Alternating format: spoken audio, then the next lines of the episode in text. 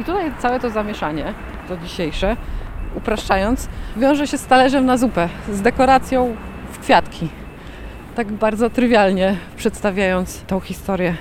I to właśnie stanowi jego wartość, bo można go wycenić na 500 zł, na 1000 zł, ale co z tego, jeśli nie ma tej historii? I to daje tą prawdziwą wartość tym zabytkowym przedmiotom. Muzeum Regionalne w Tomaszowie Lubelskim posiada jeden, dosłownie jeden zachowany talerz z miejscowej manufaktury porcelany, która rozpoczęła działalność pod koniec XVIII wieku. Dziś pamięć o tym miejscu tworzonym z pasją i ambicją zanikła. No nie, nie słyszałem, nie słyszałem takiej manufakturze. Istnieje taka? Nie, nie słyszałyśmy. Pierwsze słyszę. A mogła tu kiedyś istnieć? Trudno mi powiedzieć.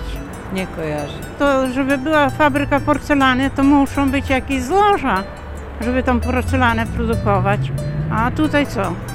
Tutaj chyba tylko margiel, więcej nic. A to glinka porceletowa ta powinna być.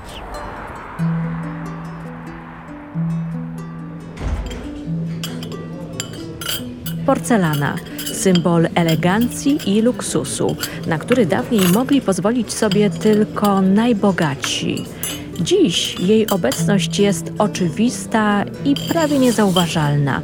Towarzyszy nam podczas codziennych posiłków, rodzinnych uroczystości czy spotkań przy kawie. Sny majstrów drogocenne, pisał Czesław Miłosz w piosence o porcelanie. Sny majstrów drogocenne, pióra zamarzłych łabędzi. Idą wróczaje podziemne i żadnej o nich pamięci. Więc ledwo zerwę się z rana, mijam to zadumany. Niczego mi, proszę pana, tak nie żal, jak porcelany.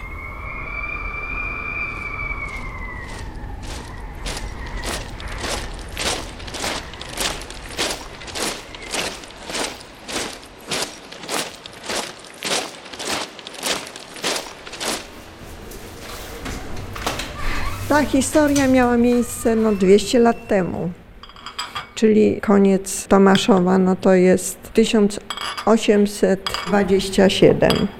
Później jeszcze były próby reaktywacji działalności, ale nie przyniosły niestety spodziewanego efektu. Doktor Krystyna Schabowska związana była z Politechniką Lubelską. To była katedra podstaw konstrukcji maszyn. I całe moje życie zawodowe, bo jestem absolwentką Politechniki Warszawskiej, Wydziału Mechaniki Precyzyjnej, obecnie Wydziału Mechatroniki, a moją pasją zawsze była poboczną, między innymi porcelana. I ogromnie mnie zawsze zachwycały formy, które można nadać tak kruchym obiektom, tak pięknie to można zrobić. I stąd ta porcelana i Tomaszów, ale w ujęciu fragmentu przemysłu Lubelszczyzny. Doktor Krystyna Schabowska napisała książkę poświęconą dziejom manufaktury fajansu i porcelany w ordynacji zamojskiej w Tomaszowie Lubelskim. Przedstawiłam to raczej jako historię pewnego przedsięwzięcia przemysłowego, które no niestety nie miało długiego życia, ale wytwory ta piękna porcelana, no to jest w historii sztuki znaczące miejsce. Jak podkreślają muzealnicy, niewiele naczyń z tomaszowskiej wytwórni przetrwało do naszych czasów. W Polsce mamy zaledwie 24 przedmioty rozsiane po różnych muzeach, w tym trzy w Muzeum Narodowym w Lublinie. Fajansowy kufel z kosynierami można zobaczyć na wystawie, a dwie porcelanowe filiżanki znajdują się w magazynie. Są wyjątkowe, choć niekompletne. Jedna bez spotka z miniaturą portretową Napoleona, druga z urwanym uchem i przetartymi złoceniami, ale wciąż widocznym wizerunkiem hetmana Jana Tarnowskiego. Obie w stonowanej, monochromatycznej kolorystyce. Jesteśmy w magazynie archiwalnym, gdzie przechowujemy większą część dokumentów i jednostek aktowych i również mamy tutaj spuścizny różne. Bardzo dużo jednostek przechowujemy z archiwum ordynacji zamojskiej w Zwierzyńcu. Wraz z archiwistką Agnieszką Nowak i zastępczynią dyrektora Archiwum Państwowego w Lublinie Agnieszką Konstankiewicz zaglądamy do dokumentów ordynacji zamojskiej. Zachowała się jednostka poświęcona fabryce fajansów w Tomaszowie Lubelskim. Jednostka liczy bardzo dużo akt. Gro tych materiałów dotyczy jeszcze funkcjonowania fabryki w Tomaszowie Lubelskim pod zarządem rodziny Demezerów i tutaj liczne podpisy zarówno Franciszka, jak i Karola, syna Franciszka występują Demezera, ale gro tych pism, które były wysyłane do ordynacji informujące o działalności fabryki, podpisywał Tadeusz Ziaiński. I co istotne, też zachowały się inwentarze wyrabianych produktów przez fabrykę Demezerów. Tutaj mamy nawet dokładną datę, 5 listopada 1821 rok. Jest podpisany właśnie Tadeusz Ziański. Suma otrzymana 5750 zł za dostarczone fajanse i porcelanę.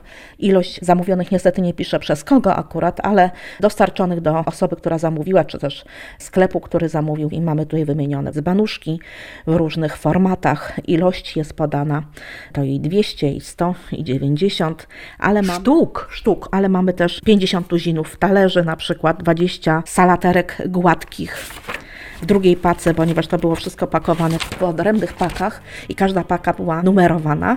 I w trzeciej pace mamy 10 czajniczków, czyli tak jakby były pakowane oddzielnie trzy razy, 400 garnuszków.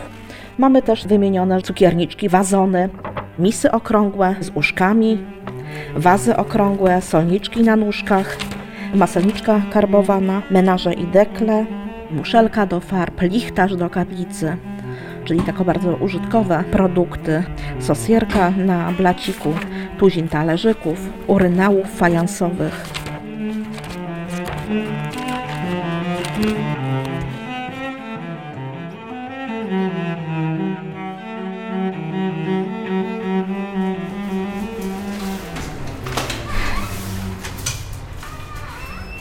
W zasadzie to było trzech braci Demezerów.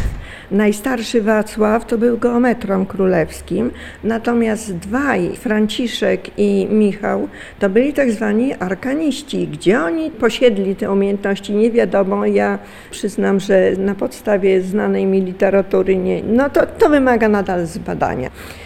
I Michał i Franciszek zaczynali w Korcu. Cała ta rodzina, ogromnie ciekawa rodzina, literatura tematu jest dosyć skąpa na temat tej rodziny. Oni się pojawiają, tak jakby znikąd i tworzą w Polsce porcelanę. Ale zawsze istotnym jest, skąd pan to wie, gdzie się pan tego nauczył. Ale no, z czasem może to będzie wiadome. By dowiedzieć się czegoś więcej o rodzinie Demezerów, rozmawiam z Zygmuntem Barszczewskim, potomkiem Franciszka Demezera, twórcy fabryki fajansu i porcelany w Tomaszowie Lubelskim. Moja babcia była Demezer. Tą linię w drzewie genealogicznym znam, ale oczywiście zaraz pani pokażę mrówczą pracę paru pokoleń Demezerów tworzących drzewo genealogiczne, zaczynając od Wacława, który był już stolnikiem bracławskim. Pierwsza wiadomość jest z 1684 roku.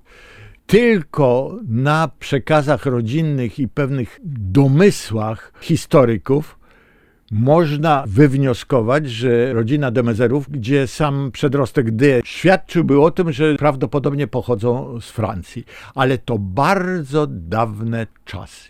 Kto wie, czy nie jeszcze we Francji prześladowań religijnych bo cała ta rodzina prawie wylądowała na Węgrzech.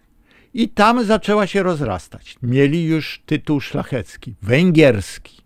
Część historyków twierdzi, że Demezerowie otrzymali z rąk króla Stanisława Augusta indygenat, czyli nadanie polskiego szlachectwa, ale osobom, które miały szlachectwo zagraniczne. Natomiast wielu historyków mówi niemożliwe. Jeżeli już 100 lat wcześniej Demezer był stolnikiem wrocławskim, posiadaczem ziemskim, musiał mieć szlachectwo polskie raz, a dwa to, co wielu historyków uważało za indygenat, to było tylko potwierdzenie tego, że są szlachtą polską. Syn tego Wacława, stolnika, był na przykład pułkownikiem wojsk polskich. Jego syn też służył jako pułkownik. Oczywiście byli właścicielami majątności, która się nazywa Popówka i potem Hutor Popowski i tamte okolice w powiecie bracławskim. Czy to dzisiejsza Ukraina, ten powiat bracławski? Yy, tak. Kolejny Franciszek służył w wojsku i na przykład stacjonował na Węgrzech. Był chorążym pułku kirasjerów. A kolejny Franciszek, jego syn, został tym właśnie założycielem korca i porcelany. Franciszek urodził się w 1754. Już przedostatni, że tak powiem, Franciszek, ojciec Franciszka, nazwijmy to ceramika, który był właśnie chorążym pułku kirasjerów, stacjonował na Węgrzech, tam wziął ślub i wrócił.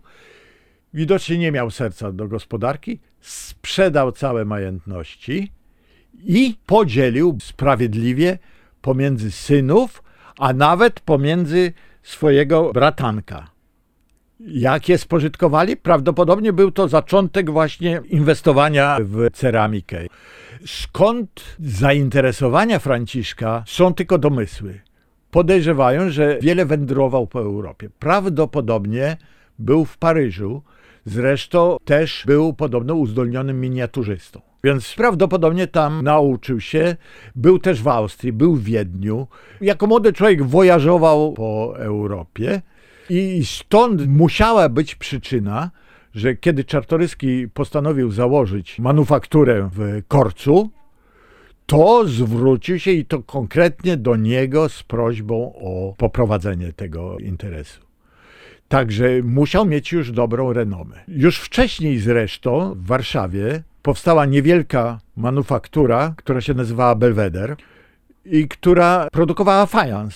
Podobno udatny i podobno robiła próby też z porcelaną, ale nie udało się to. Ale ponieważ właśnie idea została zasiana, to właśnie Czartoryski taką już podjął. I w ten sposób zaczęła się pierwsza historia porcelany polskiej w Korcu w majątku Czartoryskiego.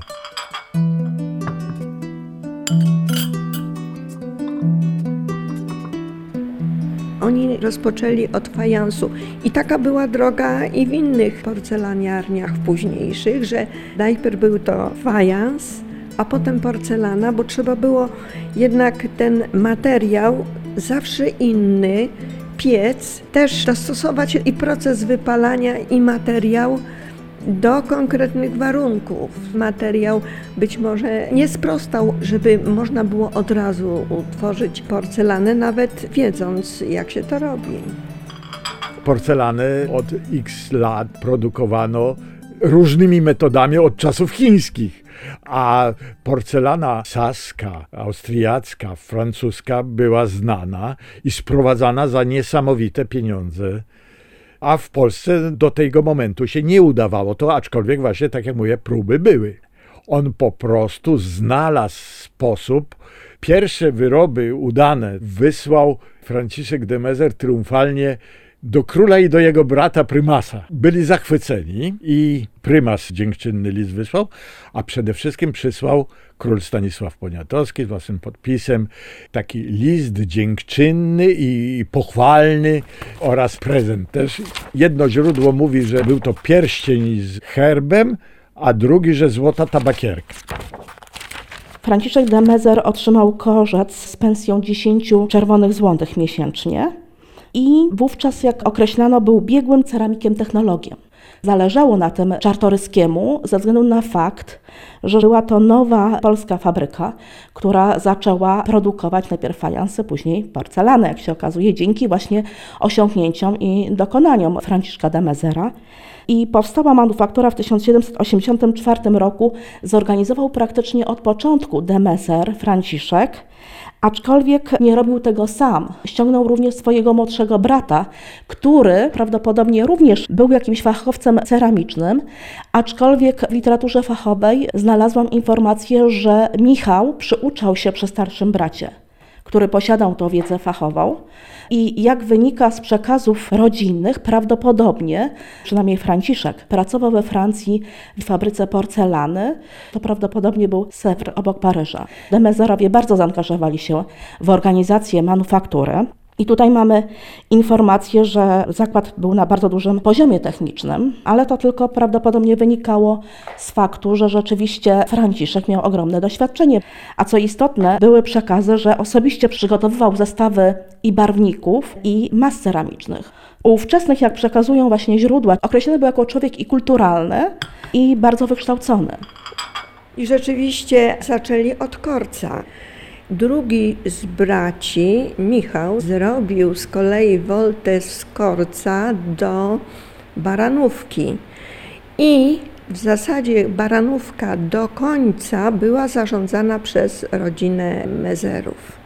Później w pewnym momencie Franciszek tak się złożyło, że jego żona zmarła w korcu, osierodziła czterech synów i jak to wyczytałam, tak mu korzec obrzydł, że przeniósł się do Tomaszowa. Nie to było przyczyną. Po prostu Czartoryski, kiedy troszkę gorsze czasy dla Korca nastały, zdążył się całym przedsięwzięciem. Poza tym zmieniły się czasy, zaczęły się kłopoty właśnie i z cłami. Sytuacja z 1792 roku, czyli już rozbiór Polski, jak i wojna polsko-rosyjska w obronie Konstytucji 3 maja miała duży wpływ na historię manufaktury w Korcu. A przede wszystkim to Franciszek dojrzał już do tego, żeby być na swoim, nie być co prawda szanowanym dyrektorem, docenionym przez króla i bardzo, że tak powiem, znaną osobistością, ale mimo wszystko tylko dyrektorem. A chciał iść na swoje i to była jedna z głównych przyczyn. A Zamojski mu to zapewnił. A Zamojski pozazdrościł pozazdrościł krewnemu Czartoryskiemu, że on ma, a ja nie mam. No więc trzeba było zrobić, mimo że wszyscy odradzali. Odradzali.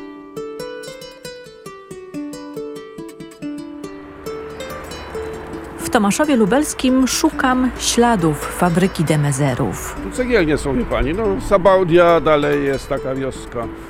Już nie pamiętam nazwy. Niedaleko Sabaudi jest następna. Wożuczyn ma dobrą glinę, z tego co wiem, bo sam cegłę kupowałem tak kiedyś, także mogli stąd brać właśnie surowiec i produkowali.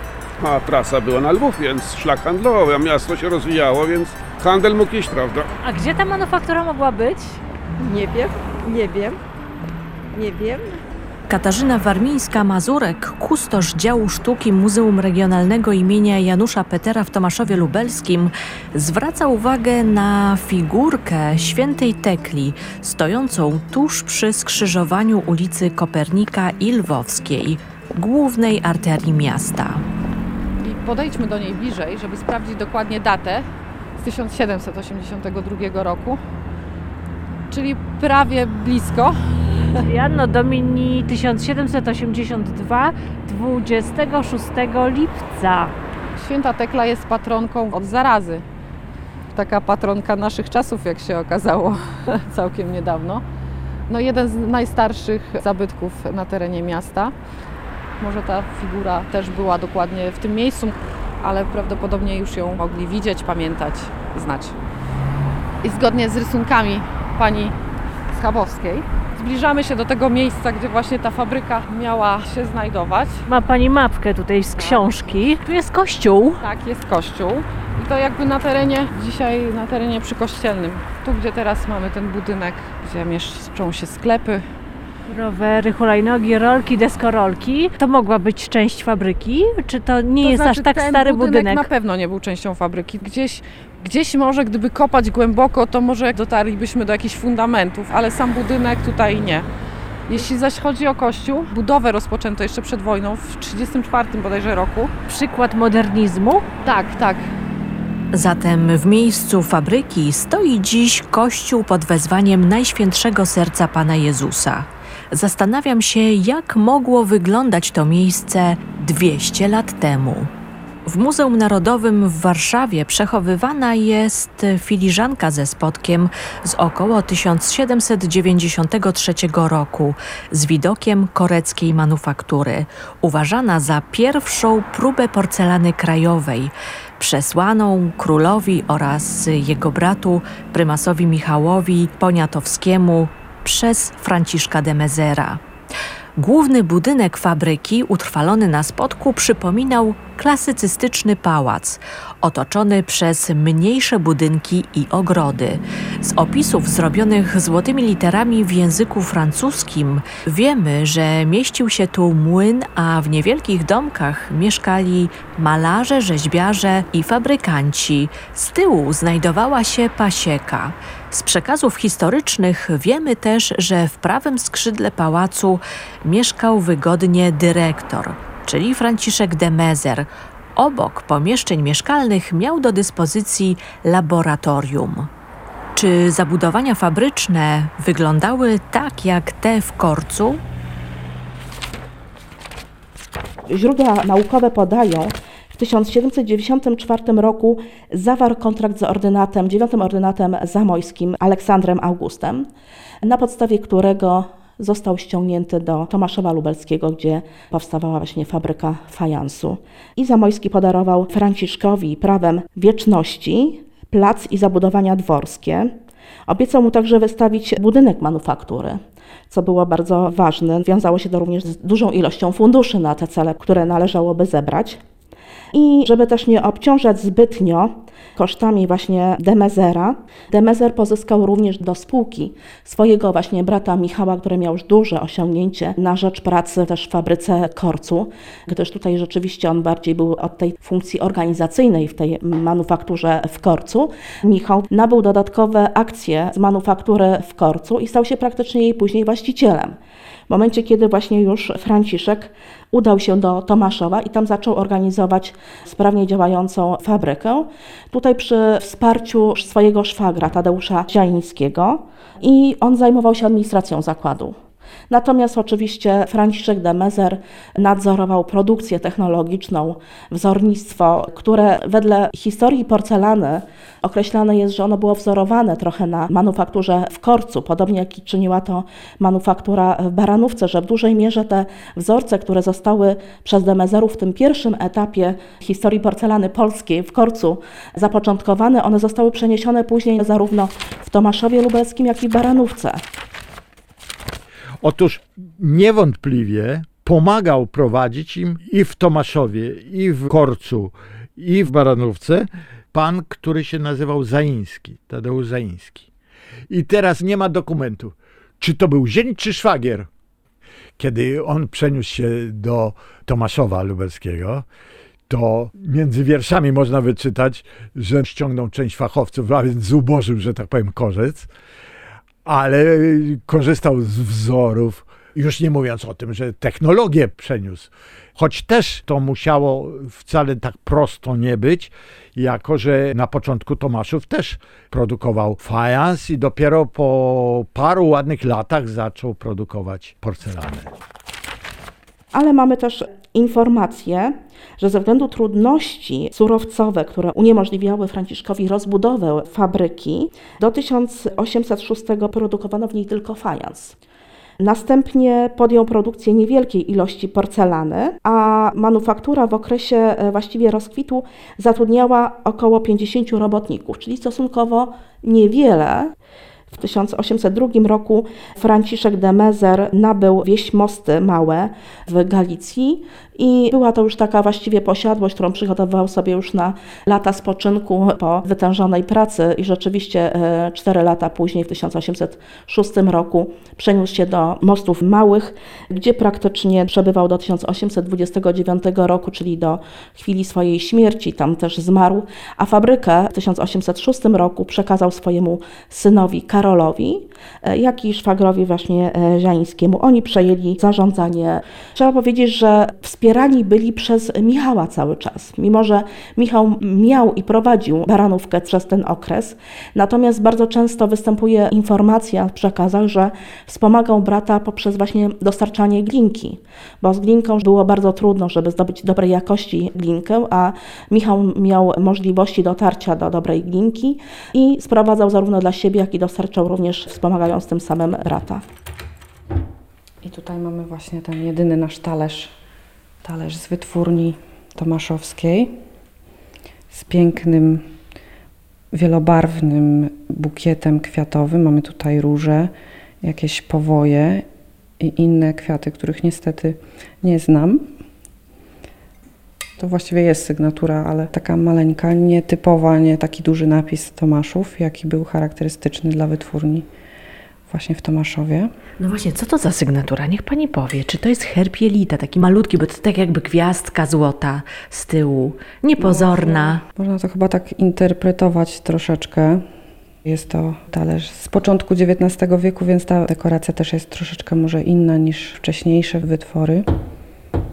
Głęboki talerz z fabryki Demezerów wystawiony został na aukcji w Chicago przez amerykańskiego antykwariusza Matthiasa Blume. Po sprawdzeniu autentyczności został zakupiony do zbiorów muzealnych w 2009 roku. Talerz prawdopodobnie został wywieziony z kraju przed I wojną światową. Jako, że zakupiono go na aukcji zagranicznej, więc cena zakupu wyniosła 2831 zł i 74 zł. Grosze. Tak. No nieczęsto się kupuje eksponaty, nie zawsze jest taka możliwość, ale też no nie zawsze się trafiają tego typu eksponaty.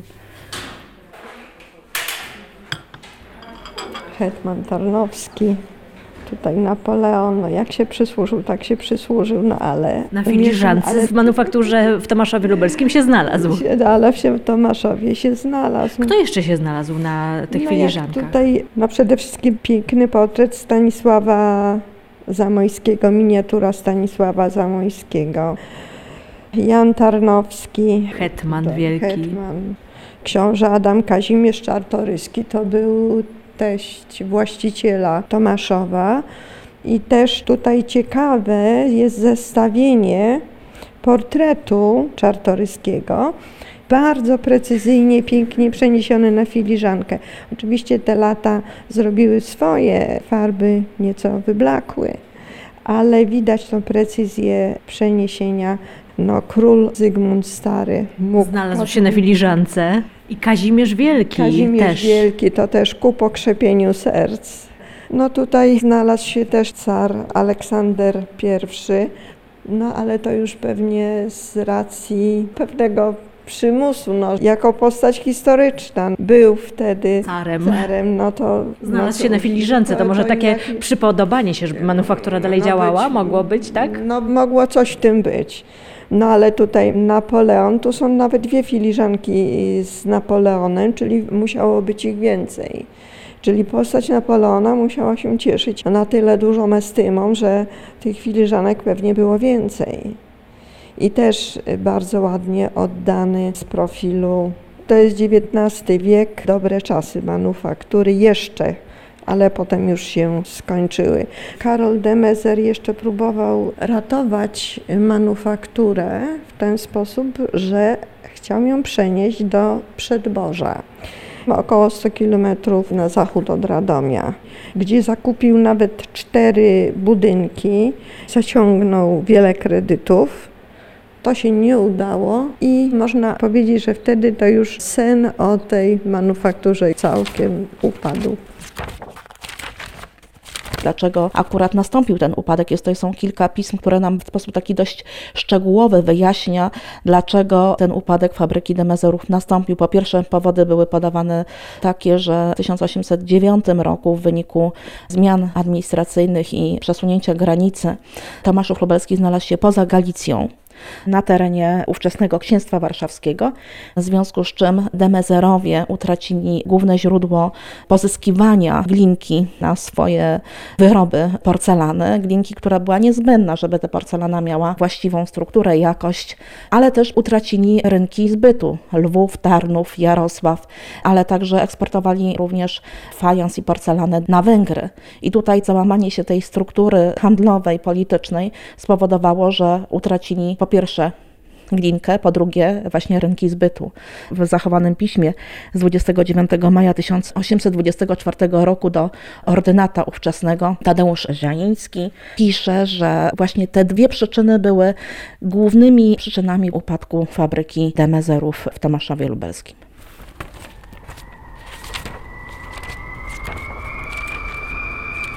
Sny majstrów drogocenne, pióra zamarzłych łabędzi. Idą w ruczaje podziemne i żadnej o nich pamięci. Więc ledwo zerwę się z rana, mijam to zadumany. Niczego mi, proszę pana, tak nie żal, jak porcelany.